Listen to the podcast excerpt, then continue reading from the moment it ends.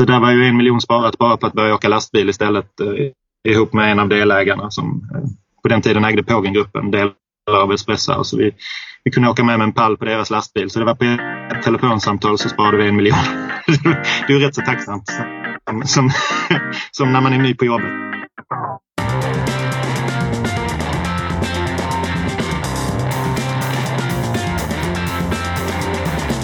Du lyssnar på 25 minuter, en konversation om personlig utveckling. Producerad av Trade Venue AB. Vi har ett syfte i det här programmet och det är att ge verktyg och inspiration till förbättring. Jag heter Carl Mikael Syding. Peppins gör det möjligt för vem som helst, som ett proffs, att investera och bygga en portfölj i onoterade svenska tillväxtbolag. Bolagen som tar in kapital via Peppins har selektivt valts ut, genomgått DD och sedan paketerats för att Peppins medlemmar enkelt ska kunna fatta ett investeringsbeslut. Peppins grundades av fintech-entreprenören Anders Sjunnesson och ägs bland annat av Spiltan, vilket känns tryggt. De har redan flera lyckade case i ryggen. Paradox Interactive, som säkert många känner till, börsnoterades i våras och som efter tre dagar var upp hela 73 procent. Avesta Glass tog in 17 miljoner och som efter sex månader gett en avkastning om 30 procent. Avesta Glass handlas dessutom på Peppins egen handelsplats, Peppins Market. Peppins senaste projekt, Kronfönster, tog in 35 miljoner kronor på åtta dagar från drygt 1200 investeringar. Förutom bra bolag är det kraften av många delägare som ska ge en extra boost i tillväxten för bolagen. Om ni är sugna på att bygga en portfölj av spännande tillväxtbolag som ett komplement till börsnoterade aktier borde ni definitivt gå in på peppins.com för att få mer information. Med oss idag så har vi Björn Almer på kafékedjan Barista. Välkommen! Tack så mycket! Vi ska prata om gott kaffe och eh, även hur man tjänar pengar på det. Men du kan väl börja med att berätta lite om din bakgrund? Mm. Eh, jag är ekonom i grunden och eh, var efter jag pluggade trainee på Hennes Mauritz en kort tid. Sen var jag på svenska kosmetikkedjan eller kosmetikföretaget Oriflame. Först som controller för Tyskland, sedan var jag eh, turnaround-ansvarig eh, i England ett år och sen var jag uppstartsnisse i ett antal år i, i Indien, Sri Lanka, Marocko och Egypten och sen slutade jag som marknadschef några år innan jag blev eh, eh VD för Espresso House, Sveriges största kaffekedja. 2003 till 2006 var jag där. Och eh, 2006 när den kedjan blev såld till ett engelskt investmentbolag så valde jag delar av gamla ledningsgruppen att starta Barista. Godare kaffe, godare värde, en kopp i taget. Så det är Barista som är min livspassion sedan tio år tillbaka här nu. Ja, så man kan eh, säga att eh, du har en kombination av att eh, vara controller med koll på siffror, du har varit eh, med om expansion på Oriflame och eh, turnaround på Espresso House. Ja, eh, det kan man säga. Espresso House gick ju två miljoner back i månaden när jag började där och med gemensamma krafter så fick vi bolaget lönsamt och, och, eh, och då en exit, vilket ägarna ville ha. Eh, så att ja, lite blandade erfarenheter, absolut. Hur mycket av turnarounden hade med kaffekvalitet att göra? Ehm, ja, jag tror i Espressos fall så var det mycket med, med, med operativa och, alltså som ekonom var det ganska uppenbart att man inte kan köra brödet med taxi ut till kaféerna eh, och köra från ett bageri i Malmö till Göteborg varje morgon med taxibil. Eh, så där var ju en miljon sparat bara på att börja åka lastbil istället eh, ihop med en av delägarna som eh, på den tiden ägde Pågengruppen, delar av Espresso. Så vi, vi kunde åka med med en pall på deras lastbil. Så det var på ett telefonsamtal så sparade vi en miljon. det är ju rätt så tacksamt som, som, som när man är ny på jobbet och hittar sådana grejer. Men Sen, sen handlar det ju om, om mycket är sunt förnuft och, och uh, hårt slit, envishet att, att uh, få alla i laget när man är flera hundra anställda att, att se samma mål och, springa ditåt. Vad är bra kaffe annars? Uh, ja, bra kaffe, det har hänt jättemycket nu de senaste åren, de här tio åren jag har varit på Barista. På, på den tiden jag var på Espresso House så var ju en cappuccino såg ut som en tomteluva av skum. Ju mer skum desto bättre och så ska ju inte alls en cappuccino vara. Så det är ju spännande hur svensken, eller generellt över hela jordklotet, men, men eh, vi svenskar har ju verkligen blivit avancerade på kaffe och förstår nyanser på ett sätt som inte alls var marknadsföringsbart tidigare. Och det passar ju oss på barista jättebra eftersom vi tävlar med vårt kaffe och vi, vi är superkreddiga med specialkaffe och har, på grönbönssidan har vi de allra, alltså vi har högre kvalitet på våra bönor än någon annan kedja i Sverige och det, det är ju liksom inte, det är inte marknadsprat utan det är ju fakta på vilken, vilken kvalitetsnivå man köper in på. Och, och det gynnar ju oss att eh, gästen är mer kunnig för då, då kan man ju sälja konstigare saker och få, få cred för det. Barista har haft ett, eh, ett par tuffa år rent finansiellt.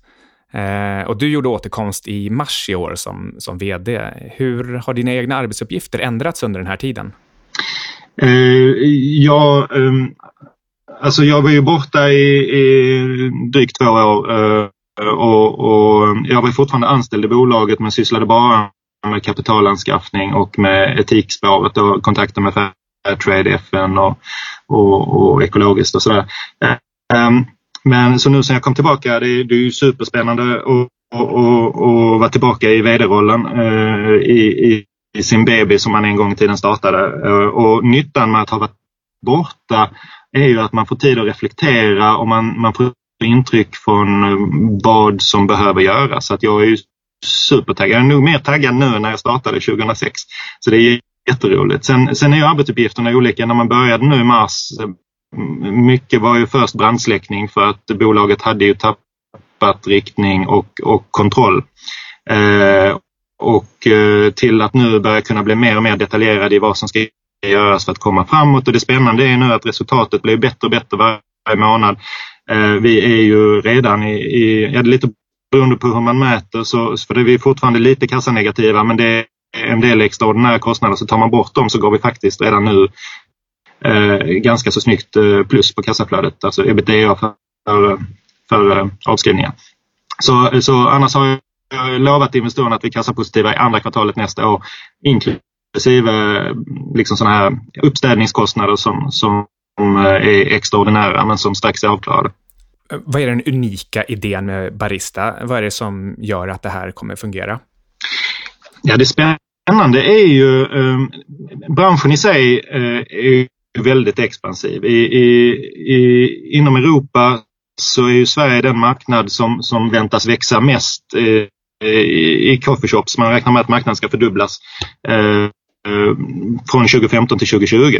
Eh, men det som gör, så, så, i sig är ju Barista på en väldigt, det är nästan Klondike fortfarande. Eh, även om man kan tycka det finns många kaféer så kommer det alltså dubblas. Ehm, så att i sig så är det bra att vara på en expansiv marknad där det inte är slagsmål om marknadsandelar.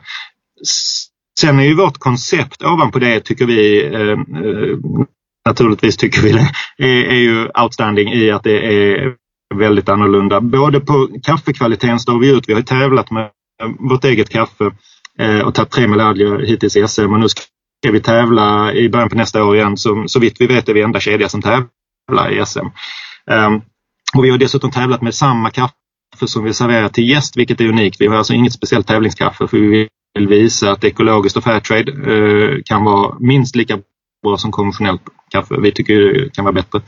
Eh, så det är jätteroligt. Eh, och det tar man ju in på den andra sidan. Så den ena sidan är kaffekvaliteten som gör oss speciella att försöka i kedjeform leverera en kaffeupplevelse som du normalt inte kan få på en kedja utan bara på små kreddiga eh, eh, kaffespecialistställen. Men vi försöker göra det i kedjeform. Den andra biten förutom kaffet är ju etiken som, som vi var definitivt eh, Eh, först i Skandinavien med 2006 när vi startade. Att ha 100% Fairtrade, kaffe, te, choklad, socker så mycket som går. Eh, och dessutom så mycket som går ekologiskt. Vi, så vitt jag vet i, i är vi störst på ekologiskt också. Eh, och har en ekologisk andel till gäst på en god bit över 50 procent. Och framförallt kaffe och te är alltid både ekologiskt och fairtrade. Så att konceptet är ju både riktigt, riktigt bra kaffe och dessutom på ett schysst sätt. Och eh, utöver att det då är ekologiskt och fairtrade så eh, varje gång du fikar med vårt samhällskort så går det en skolmåltid till Etiopien. Eh, och Eh, om då 800 barn får skolmat varje dag så är det en häftig känsla, liksom en eftersmak. Utöver den goda eftersmaken av kaffet så vet du att när du har tagit en kaffe här så har du skickat ett barn till skolan i Etiopien också. Så det, det är coolt och det kostar inte gästen någonting. Vi har samma priser som konkurrenterna. Så bättre kaffe, eh, godare kaffe, godare värld, en kopp i taget. Det är vår devis. Ja, du har någon gång nämnt ehm, eh, den här skalan för specialkaffe. Eh, i, den, det går inte 100 eller någonting sånt. Ja, just det. Precis. Men på en 100-gradig skala, eh, vi jobbar ju med specialkaffe eh, och eh, den, gränsen för specialkaffe går vid 80 poäng. Och det man köper normalt ute i butik i vanlig retail är, är sällan specialkaffe. Det är nästan omöjligt att få tag på utanför special eh, kaféer som, som vårt.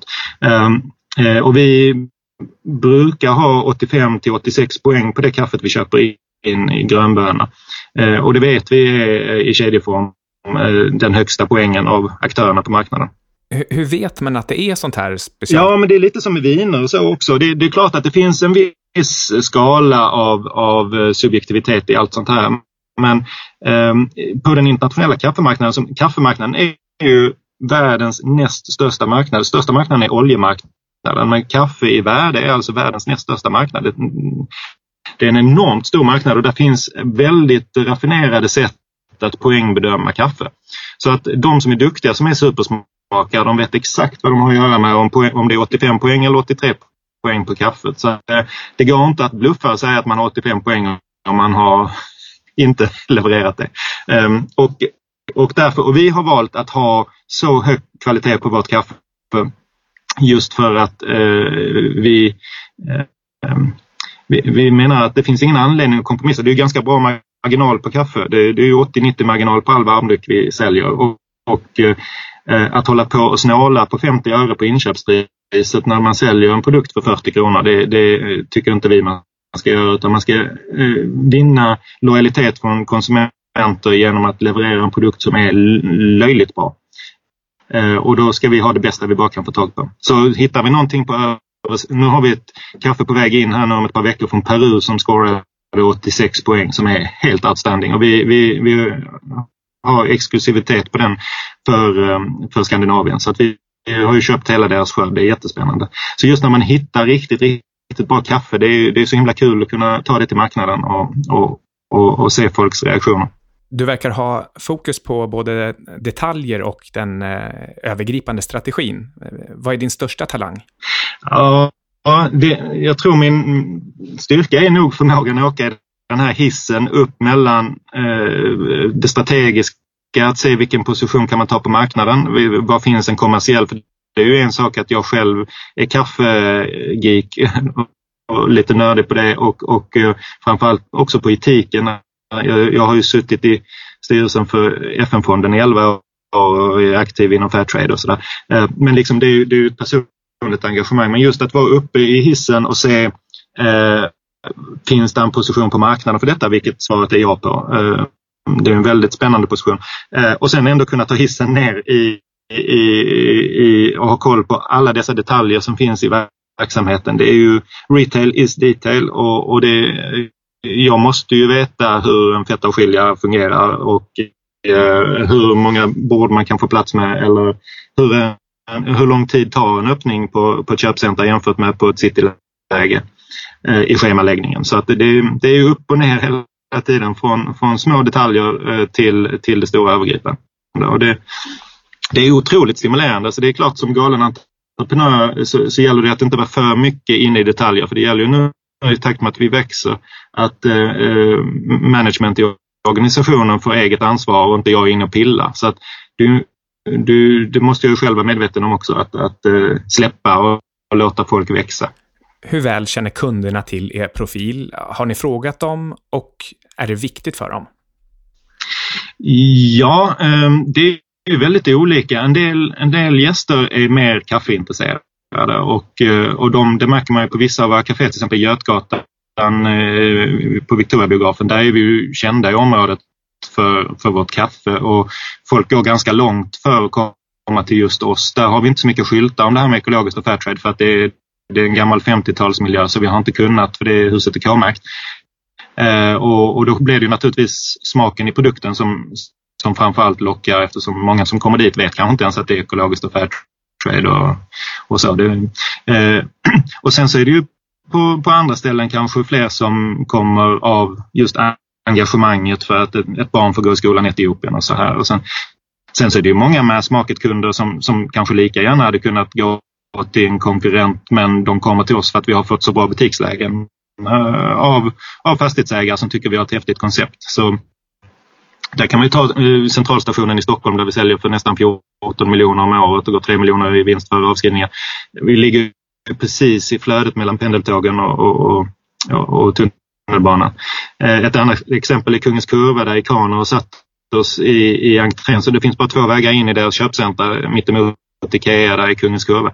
Eh, och du kommer inte in i köpcentret utan att se och fundera på en fika på Barista. Så att har man fått rätt läge så trillar många kunder in automatiskt. Så det är läge, läge, läge. Så kombinationen där, eh, ett bra koncept och ett bra läge ger bra lönsamhet. Hur ska ni öka antalet stamgäster och kanske även få dem att handla mer per person? Ja, eh, fler, fler stamgäster det är ju en snöboll som delvis rullar rullar av sig själv när du väl har fått igång den. För om, om du ger en fantastisk upplevelse för gästen, både i produkter och i bemötande. Det är ju tillbaka till Jan Carlssons det här moment of truth. Eh, att det spelar ingen roll vilka powerpoints jag gör eller vad jag säger i en podd när jag blir intervjuad. Om inte personalen ger ett fantastiskt bemötande till gästen. Utan det är ju de 20 sekunderna som gäller. Och om du som gäst blir imponerad, för inom, inom first casuals så får man ju ofta ganska så mediokert bemötande när man är ute och tar någon snabbmat eh, eller snabbfika. Så, så får du en bra upplevelse. Då kommer du ju berätta och ta med dig vänner och sådär. Och speciellt spännande nu är det ju samarbetet med Peppins när vi nu har gått ut och crowdfundat det här på detta viset. Jag har redan över tusen eh, nya delägare. Då blir de ambassadörer för Barista också och då sprider sig ryktet. Så att, och sen naturligtvis konceptet i sig är ju en väldigt styrka jag tyckte vi hade en häftig företagskultur på den tiden jag var VD på Espresso House. Det var ju ett häftigt företag och, och, och liksom coolt att jobba där. Men på Barista så har du den extra knorren att du har FN-symbolen på ärmen och, och, du känner att du gör FN-tjänster. Varje person som skaffar stamgästkortet skickar ju ett barn till skolan varje gång de fikar. Så varje anställd känner ju att de är fadder för kanske 20-30 barn i Etiopien och det är ju eh, speciellt nu för millennials eh, som inte bara jobbar för att tjäna pengar utan vill jobba för en arbetsgivare som faktiskt spelar roll. Eh, eh, så är det ju en extra knorr och det, det märker man ju som gäst när du kommer till ett café om personalen bara stämplar in och stämplar ut och levererar ut en latte bara för att du har betalt för den eller för att de tycker att det här är så häftigt och du ska komma tillbaka, du ska fika här imorgon igen. Och det märker man ju. Så att jag, jag är övertygad, det handlar inte så mycket om att man behöver marknadsföra sig utan det handlar om att bara ge, leverera en riktigt bra produkt och att personalen är stolta. Det kommer man väldigt långt på. Hur hanterar ni marginalerna med tanke på kostnaderna för eko och Fairtrade-knorren?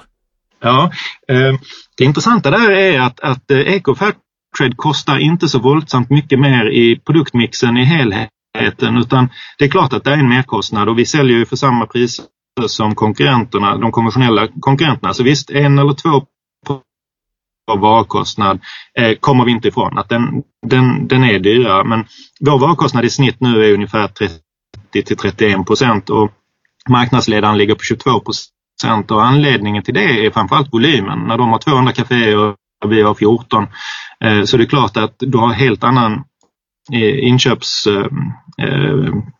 Eh, eh, Ehm, och, och där är mycket potential att jobba. Så, så redan på de här 30 procenten så tjänar vi pengar ehm, på, på de kaféerna som vi ska behålla. Vi håller just nu på att skala bort ett par kaféer som inte går bra. Så, det är en av anledningarna till att bolaget inte har gått bra har ju varit att man inte tagit bort de dåliga etableringarna utan man har hoppats att de ska vända. Ehm, och vad, vad vi gör nu är ju att vi ser till att vi har bara bra kaféer och så försöker vi etablera oss på bara bra lägen framöver. Och med den volymtillväxten så kommer ju varukostnaden att gradvis falla som procentandel också. Så, så det blir ju en god cirkel av ökad volym och lägre varukostnad. Vad ska emissionspengarna användas till eh, mer i detalj? Eh, nu när vi tar in pengar så är det ju till expansion att bygga fler kaféer. Det kostar 3 miljoner att bygga ett kafé och ungefär en miljon kan vara leasing, en miljon kan vara banklån och en en miljon måste vara eget kapital. Eh, så, och, och när du når en viss kritisk massa, säg runt 20, 25, kanske 30 kaféer lite beroende på hur stora och hur bra etableringar du gör. Då har du ett kraftigt kassaflöde från din egen verksamhet som finansierar din tillväxt. Och det vi behöver är ju seeding capital nu för att komma upp till den nivån. Ehm, att kunna bygga kaféer, för säg Stockholms central som levererar 3 miljoner i, i, i kassaflöde varje månad, eh, eller förlåt varje år. Eh, det gör ju att vi kan bygga tre kaféer eh, med deras kassaflöde. Men vi har ju ett huvudkontor också som kostar en slant och vi har ju skurit ner huvudkontoret nu i turnarounden med 75 procent från hur det var för ett år sedan. Eh, men, så att, men huvudkontoret kostar ju ändå en 5, 6, 7 miljoner. Och, och därför så behövs det ett visst antal kaféer bara för att täcka huvudkontoret. Men det behöver inte bli så mycket större.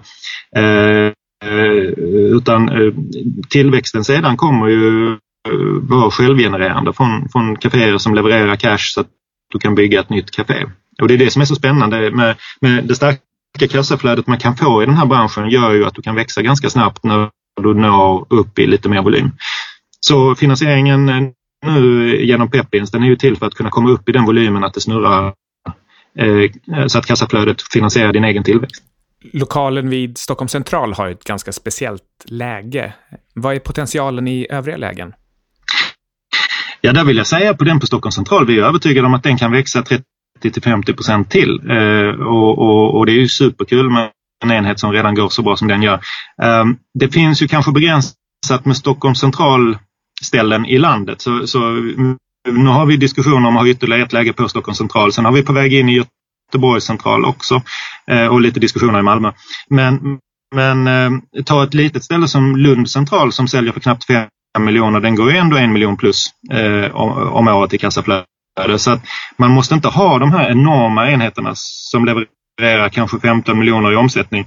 Utan du kan även på en liten enhet på 5 miljoner, vi har en liten på Ideon som bara säljer för ett par miljoner men tack vare väldigt förmånliga hyresavtal så levererar den ändå eh, nästan nästan en halv miljon i kassaflöde.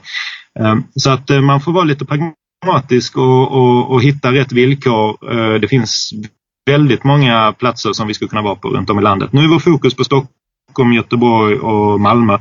Eh, och vi ska jobba mer i kluster än vad vi gjort för Det är också mycket lönsammare när du har flera kaféer i samma område. Då stärker du varumärket där och du har större chans att bli preferred brand. Du behöver alltså inte vara störst i landet utan det viktigaste är att du är bäst på den orten du är och på det flödet som finns. Så vi, vi ser på Götgatan i Stockholm finns ju alla konkurrenter, eh, alltså verkligen alla konkurrenter inom 50 meter. Och vi går jätte, jättebra, samma på Stockholm central eller, eller i Lund. Eh, så att eh, det, det viktigaste är att man i sitt närområde uppfattas som den bästa aktören och man blir preferred brand. Finns det någonting särskilt i konceptet och formen för Stockholm central som ändå går att kopiera till eh, andra eh, lokaler? Ja absolut. Stockholm central har ju fått upp en fantastisk puls. Personalen har en härlig, eh, det är liksom en rytm, ett gung istället och, och så här sprudlande glada och, och jättetempo. Så att även om det är en rusning från, från pendeltågen och, och det blir en 7, 8, 10 man i kö så känner man att eh, personalen har så jäkla roligt och de jobbar undan det så att man har inga problem att vänta någon minut för att man märker att det här går ju undan och de gör allt vad de kan och sådär. Ehm, och det är ju viktigt och, och, och, det har ju börjat komma samma känsla på fler och fler ställen. Vi, vi, vi har ju nu, och det är ju i den här turnarounden, att, att vi, vi tappade ju lite fokus på, på kundupplevelse och kaffekvalitet och, och drift och sådär för, för ett par år sedan. Och det är det nu sen jag är tillbaka i mars som vi lägger all vår energi på. Att alla ställen ska ha den här härliga pulsen när du kommer in. Du ska känna att personalen har jäkligt kul och, och, och, och är duktiga på det de gör. Så, så Stockholms central går absolut att kopiera ut och vi har ju liknande eh, puls och dynamik på flera andra ställen också. Och det, det, det är en, eh, man är ju aldrig riktigt klar med HR, är ju liksom, med personal, där blir man ju aldrig riktigt färdig. Utan det, dels är det ju folk som slutar ibland men det, det gäller ju också att ständigt försöka utvecklas där och det, det, är ju samtidigt det som gör det så spännande. Att, att, eh, det är inte så att du utvecklar en produkt som är, är konstant utan det, det är ständig förändring här. Du har redan varit med om att, eh, att vända runt Espresso House. Eh, när tror du att hela Barista visar vinst, inklusive huvudkontoret? Ja, vi har ju faktiskt redan visat vinst 2012 Vi hade ju en lite berg under uppstarten 2006 Eh, till 2012 men det blev ju lönsamt 2012. Sen, sen av många anledningar så svajade det lite därefter och vi grundare lämnade i samband med att det skulle skalas upp. Det kom in nytt riskkapital och, och, och så. Men bolaget i sig, 2012 när vi tjänade pengar, bottom line, hade vi en mycket sämre portfölj med kaféer än vad vi har idag. Så jag ser ju, eh, nu låter jag kanske typiskt entreprenöriellt entusiastisk, men jag ser ju eh, inga problem att få bolaget kassapositivt eh, och bottom line lönsamt. Eh, kassapositivt kommer vi vara nästa år, redan i Q2, eh, men på hela året räknar jag med. Och bottom line lönsamt året efter. Så, så med de starka enheterna som vi har kvar, ett litet huvudkontor och jäkla anamma så, så ser jag att det här är, är, liksom, det, det är väldigt uppenbart vad som behöver göras för att nå lönsamhet. Vilka är de mest konkreta åtgärderna som ni ska vidta just nu i termer av till exempel skala upp och skala ned verksamheten? Precis, dels har det varit att snabbt ta bort de enheter som blöder flera miljoner om året totalt sett och där är vi ju en god bit komna. Vi har redan lämnat Norrland och av de fyra enheterna som är kvar som ska bort så är två i princip färdiga att avyttra också. Så att, eh, det, och det kan vara att vi behåller en eller två av de andra för de börjar visa eh, förbättring. Så vi får se. Eh, så det är ju det på, på liksom portföljen, vilka enheter man ska ha. Eh, sen har vi ju tagit bort en del kontanthantering. Till exempel sparar vi en miljon om året på att vi har slutat med. Eh, där är en del att göra på leverantörsförhandlingarna som jag tror inte riktigt har, har följts upp de senaste åren tillräckligt. Så på varukostnaden är det lite att göra där. Sen är det mycket att göra på HR, alltså på personal, på rekrytering, upplärning och, entusiasm. Vi har återinfört det bonussystem som vi hade för eh, där eh, 10% av vinsten på varje café stannar på kaféet. Ehm, det är väldigt viktigt att personalen känner att deras insatser belönas och att de känner sig som delägare i bolaget. Ehm, och, och ehm, det har de ju dessutom tack vare Peppins möjlighet att köpa in sig nu också i bolaget. Det är jättehäftigt. Så, och sen är det en del att göra på IT också så att man verkligen kan mäta och följa upp. Vi har kommit en god bit där så att vi verkligen kan se eh, vem som mer försäljer och, och, och vem som säljer stamgästkort och, och, så här så att man på timme för timme och vecka för vecka på kors och tvärs kan se spridningsdiagram över alla anställda och peppa de som behöver pepp och de som kanske inte har tillräckligt upplärning eller vad det nu kan vara för orsaker. Och det är så roligt efter, efter vi, det första jag gjorde när jag kom in eh, och vi fick igång det här eh, IT-systemet eh, som, som, som fungerar hyfsat bra nu. Det var för att kolla var vi var sämst och, och, och det är så roligt att se hur, hur den anställde nu har blivit en av de bästa på merförsäljning. För det, det, var bara en, en, brist i vår upplärning och, och den killen han, han, han är suverän på latat och uh, mersäljer extra shot och sidosallader som, som ingen annan på sin enhet nu. Så att, så att bara för att man inte levererar behöver inte det bero på att man inte är, är, är rätt person för jobbet. Man har ju kanske bara inte fått rätt coaching från sin chef. Eh, och, och, och, Det är det som ger en möjlighet tack vare IT. Eh, det är mycket möjligheter att, att eh, eh, liksom hjälpa platscheferna i vad de ska lägga sin energi och fokus på för att bli mer lönsam. Har Barista samma serveringsstorlekar och priser som konkurrenterna? Jag tänkte även, eh, alltså själva muggarna. Eh, är, är, är en liten, mellan och stor eh, likadana som på andra ställen? Ehm, ja, eh, nu har inte alla liten, mellan och stor. Vår största konkurrent har ju bara två storlekar till exempel. Vi, vi har väl, ehm, jag var själv skeptisk till att införa tre storlekar. Jag tycker man, man ska ha det så enkelt som möjligt. Men det intressanta var när vi införde införde tre storlekar så ökade försäljningen. Eh, alltså folk klev upp så den som tidigare var stor är ju nu var mellan. Och den säljer mycket mer nu på, och, och den som är minst säljer mycket mindre. Så, så tack vare att vi införde en tredje större storlek så, så uppgraderade gästerna vad de köpte. Eh, och det är väl psykologiskt, det är väl typiskt svenskt också att man, har, man vill inte vara, man vill inte frossa så man vill inte ta den största. Men när nu den största blev näst störst och är liksom mittemellan, det är landet mellanmjölk kanske, men, eh, så den säljer riktigt bra. Eh, och prissättningsmässigt så ligger vi fortfarande en eh, fem kronor under Starbucks som, som ju har kommit in med väldigt hög pris, eh, prisnivå i landet. Så eh, det, det, mm, det är viktigt att man inte ligger för lågt med sina priser. Om man nu har så bra kaffe som vi har, ligger du lägre än konkurrenterna eh, så är ju risk att gästen gör en pris-kvalitetsassociation och tror att du inte har lika bra eller bättre. Så att det är viktigt. Vi tror ju att vi ska ligga på premium mot de, de eh, Starbucks går vi väl inte över i pris men, men de andra på marknaden ska vi ligga någon krona över för att vi har ett bättre kaffe och det är ekologiskt och Fairtrade och skickar skolmåltider till Etiopien och, och sådär. Eh, så eh, det gäller ju att visa Ehm, och ändå vara prisvärd. Visa, visa att det är kvalitet men ändå inte vara dyrare så att man på något vis gör att folk, det är ju 43 eller 44 kronor för en kaffe, det tror jag inte är avgörande för vilket café du väljer utan du väljer det stället där du tycker du får en bäst produkt och bäst upplevelse. Teckningstiden går ut redan nästa måndag, 21 november. Finns det några aktier kvar?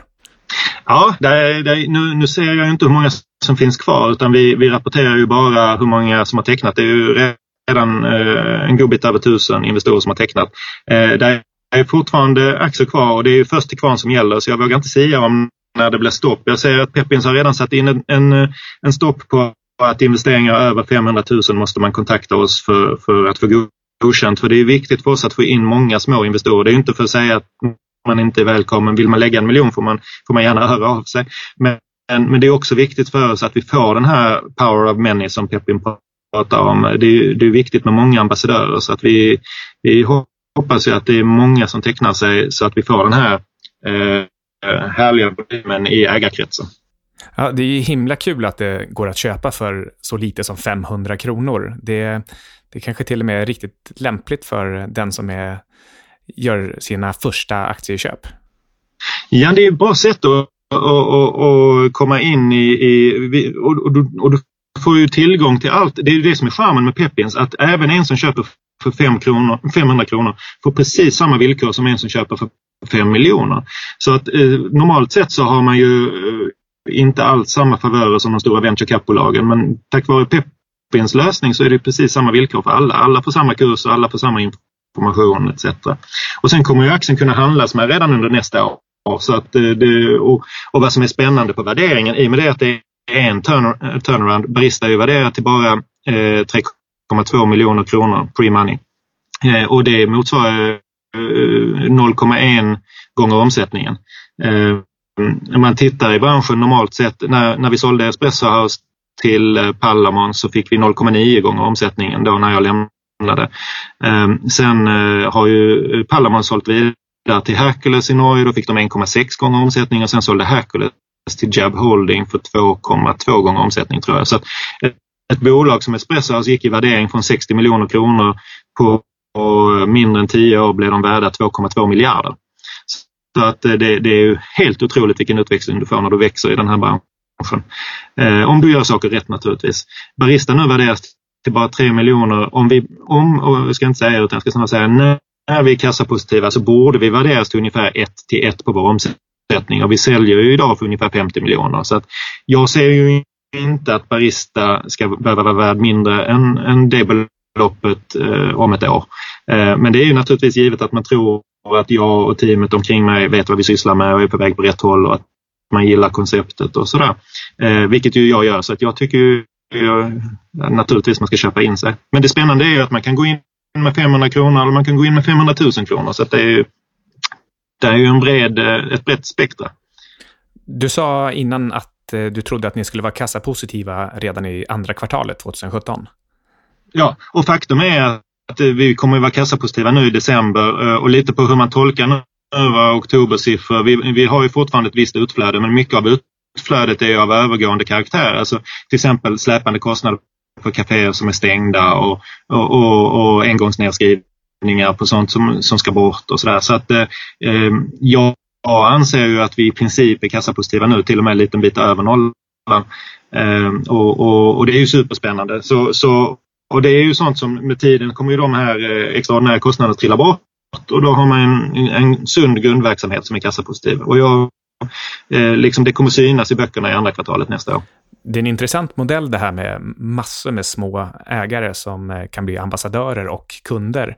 Eh, Alvesta Glass gjorde en emission via Peppins eh, och den har redan visat, visat på kraften i hur, hur alla börjar handla glass från just Alvesta istället. Ehm, ni har ju också den här lite spännande kaffekursen för 695 kronor. Kan du eh, berätta lite om den och hur Barista lyfter fram kursen i bruset? Ja, Ja, det är ju spännande med den kursen för vi är ju enda kedja som ger, ger kaffeutbildningar till, till allmänheten. Och, och, och vad som är, är kul, dels så har det ju funktionen att det håller vår personal på tå. För ska du ge utbildning till andra då ser du till att hålla dig duktig och, och liksom på topp. Ehm, sen ger det ju också en väldigt lojalitetsskapande för eh, om du då under tre timmar eh, spenderar tid med dina gäster i en liten grupp det är ju tio man normalt på de här kurserna, eh, så har du möjlighet att berätta mycket mer om vad Brista står för. För när du, när du har en gäst som springer in, tar sin takeaway, springer ut igen, du, du hinner inte berätta så hemskt mycket om skolmaten i Etiopien och det komposterbara stammiskortet och att servetterna är returfiber och liksom alla andra grejer som man skulle vilja berätta. Ehm, men, men under tre timmar där och de dessutom lär sig massor om kaffe och förstår skillnaden på olika former av specialkaffe och, och så. Det är ju en jättespännande värld. Då skapar det en lojalitet och, och de tio som har gått kursen och rekommenderar till andra. Så att vi har ju gått från att knappt kunna hålla en kurs varannan månad till att vi nu eh, på bara några månader är uppe i att, att vi har flera kurstillfällen varje månad. Eh, och, och, det är ju ett litet plus bara själva kursen men, men framför allt så, så skapar det ju lojala ambassadörer som, som hjälper oss att sprida varorna. Kan du berätta igen kort, varför ska man investera i just Barista? Ja, bortsett från att Barista i sig är, är, är ett fantastiskt spännande koncept som är helt nytt på marknaden. Eh, alla säger ju att de har bra kaffe från, från bensinmackarna. Jag menar, kommer du in på Statoil så pratar de uh, samma språk som, som, som specialkaffeföretagen för att de har lärt sig att det, det, det är liksom säljande. Men, men konsumenter ser ju igenom det. Konsumenten är väldigt kunnig nu och, och, och det talar ju för barista som är, är så kaffekreddiga, kaffenödiga eh, och tävlar med kaffet etc. Så att ju mer gästen kan om kaffe desto bättre är det för vårt koncept. Eh, sen, sen så på etiksidan om man tittar vad som talar mycket för barista där är ju Sverige gick ju nu i somras om Danmark som det land i världen som konsumerar mest ekologiskt inom food and beverage. Eh, och tillväxten är fortfarande högre än något annat land. Eh, inom Fairtrade så Fairtrade 2014 växte mest i hela världen och 2015 lika mycket men då blev det inte procentuellt mest i världen längre. Men Fairtrade, svenskarna är ju jättepositiva till Fairtrade eh, och det har ju hänt 2006 när vi startade. Då paddlade vi framför vågen. Det var ju få som kände till eh, vad Fairtrade och ekologiskt var inte så intressant heller. Det är nu man ska surfa, det är nu vågen kommer och vi är ju redo med vårt koncept för att surfa på den vågen. Eh, och sen så då med FN också, finns inget annat land i världen där FN har så hög approval rating bland allmänheten. Så det är liksom paketet, det är en marknad som växer snabbt så det finns ju många kaféer. Nu finns det inte många man kan köpa in sig i. Eh, just Barista är ju publikt tillgängligt. Vi är först i Skandinavien att kunna erbjuda eh, att, liksom, gäster att köpa in sig. Ehm, så vill man in eh, så är det egentligen bara oss man kan investera i. Men sen så är ju vi som koncept dessutom superspännande med kombinationen av premiumkaffe eh, och ehm, etiken som ligger jätterätt i tiden. Men vi ser ju att det här kan hålla internationellt. När vi startade så var vår ambition att bygga någonting som håller utanför Sveriges gränser också. Så att jag har ju lovat att hoppa fallskärm när vi har 100 kaféer i New York så eftersom jag är höjdrädd så kommer vi aldrig ha mer än 99 där. Men vi kan ju ha 120 i Boston. det är ju verkligen en kanonchans att få vara med i den här eh, turnarounden och du verkar också vara precis rätt person att driva den givet din, din bakgrund och ditt engagemang. Men eh, hur, hur får du tiden att räcka till? Eh, jag, det är inte alltid den räcker till men eh, det gäller ju att försöka prioritera sin tid och, och sen är det här så himla roligt så att vi alla i ledningsgruppen och, och även platscheferna vi, vi, vi går ju lite på adrenalin också. För att det, det är ju jättekul i en turnaround när man ser att det börjar hända saker. Det, det, är ju, det har ju varit lite deppigt innan. För, för ett bolag som inte går bra har ju svårt att komma ur den onda cirkeln. Men, men nu när det liksom verkligen börjar ta fart så, så går ju folk verkligen på, på någon sorts lyckorus att de säger att shit det här funkar ju och, och får en stolthet också. Eh, så visst, eh, tiden, tiden jobbar kanske lite för mycket. Jag har ju tre barn så man ska ju kanske försöka kicka boll med dem ibland också. Så. Men eh, jag tycker balansen funkar fint. Eh, och eh, det är ju spännande nu tack vare att vi växer och, och tack vare finansieringen via Pepins här nu så kommer vi ha möjlighet att jobba lite mer professionellt också och, och i lite lugnare tempo för att man kan inte sprinta hela tiden. Det blir inte bra. Då, då blir till slut saker mindre proffsiga utan det behövs att man jobbar allt mer som ett seriöst stort företag och, och det ger ju detta oss möjlighet till. Vad gör du just nu på fritiden som, eh, som gör att du kan ladda om, som inte har med barista att göra? Ja, bortsett från, eh, jag spelar innebandy en gång i veckan för, för att liksom hålla blodomloppet igång. Men det är tyvärr eh, borde man träna ännu mer än det. Fotografering, hänger mycket med familjen och kidsen. Men det är klart att barista tar ju väldigt mycket. Det är ju, det är ju inte ett jobb utan det, är, det blir är ju liksom en livsstil på något vis att vara eh, småföretagare så här och eh, entreprenör och uppstartare. Ehm, men eh, jag har ju liksom i min personlighet, jag, när jag när jag var ny på, på Reflame så fick jag vara med i ett sånt här påläggskalvsprogram och De gjorde en massa personlighetstester och, och, och så. Jag var en röd bulldozer. Och, och det kanske i och för sig är bra för, för saker gjort men, men jag tror min utveckling har ju varit att inse, det var till exempel en, en, en, en grej man gjorde där att man skulle springa på en militär hinderbana med, med en eh, telegrafstolpe på axlarna ett helt gäng. Och vi höll på att sätta banrekordet och, och andra gången var vi ännu närmare och sen så ville ju de andra sätta sig och fika och snacka och då ville jag och en kompis med mig sätta banrekordet. Så vi försökte springa med den här förbannade stolpen själva. Eh, vilket man ju, det var ju en livsinsikt för mig också att som röd bulldozer som måste du få folket med dig. Det spelar ingen roll hur mycket energi, vilja och vision du själv har om du inte kan motivera folk. Ehm, så att min resa från liksom 25 års ålder till nu när jag är dubbelt så gammal nästan ehm, har ju varit just att, att att gå från röd bulldozer till pingstpastor och vara den som visionärt entusiasmerar och får folk att se ljuset och tycka shit vad kul det här är. Eh, så just den här kulturbyggandet, eh, den, den är rolig och jag, jag, jag trivs bra i den rollen. Ja, man ska inte alltid ha för bråttom utan ge saker lite tid. Ja, ge saker lite tid. Det är precis. Eh, om man, om man rusar på för mycket och det är väl en lärdom jag har. Det var väldigt nyttigt. Jag var ju i Indien i två år som uppstartsnisse för det här kosmetikbolaget. Och, och som röd bulldozer när man kom dit och man tyckte att allting skulle gå fort och effektivt är man ju lite så här maskinell i, i, om man Mm, parallellt vill köra igång många saker samtidigt. Och där lärde man sig att låt saker ta sin tid.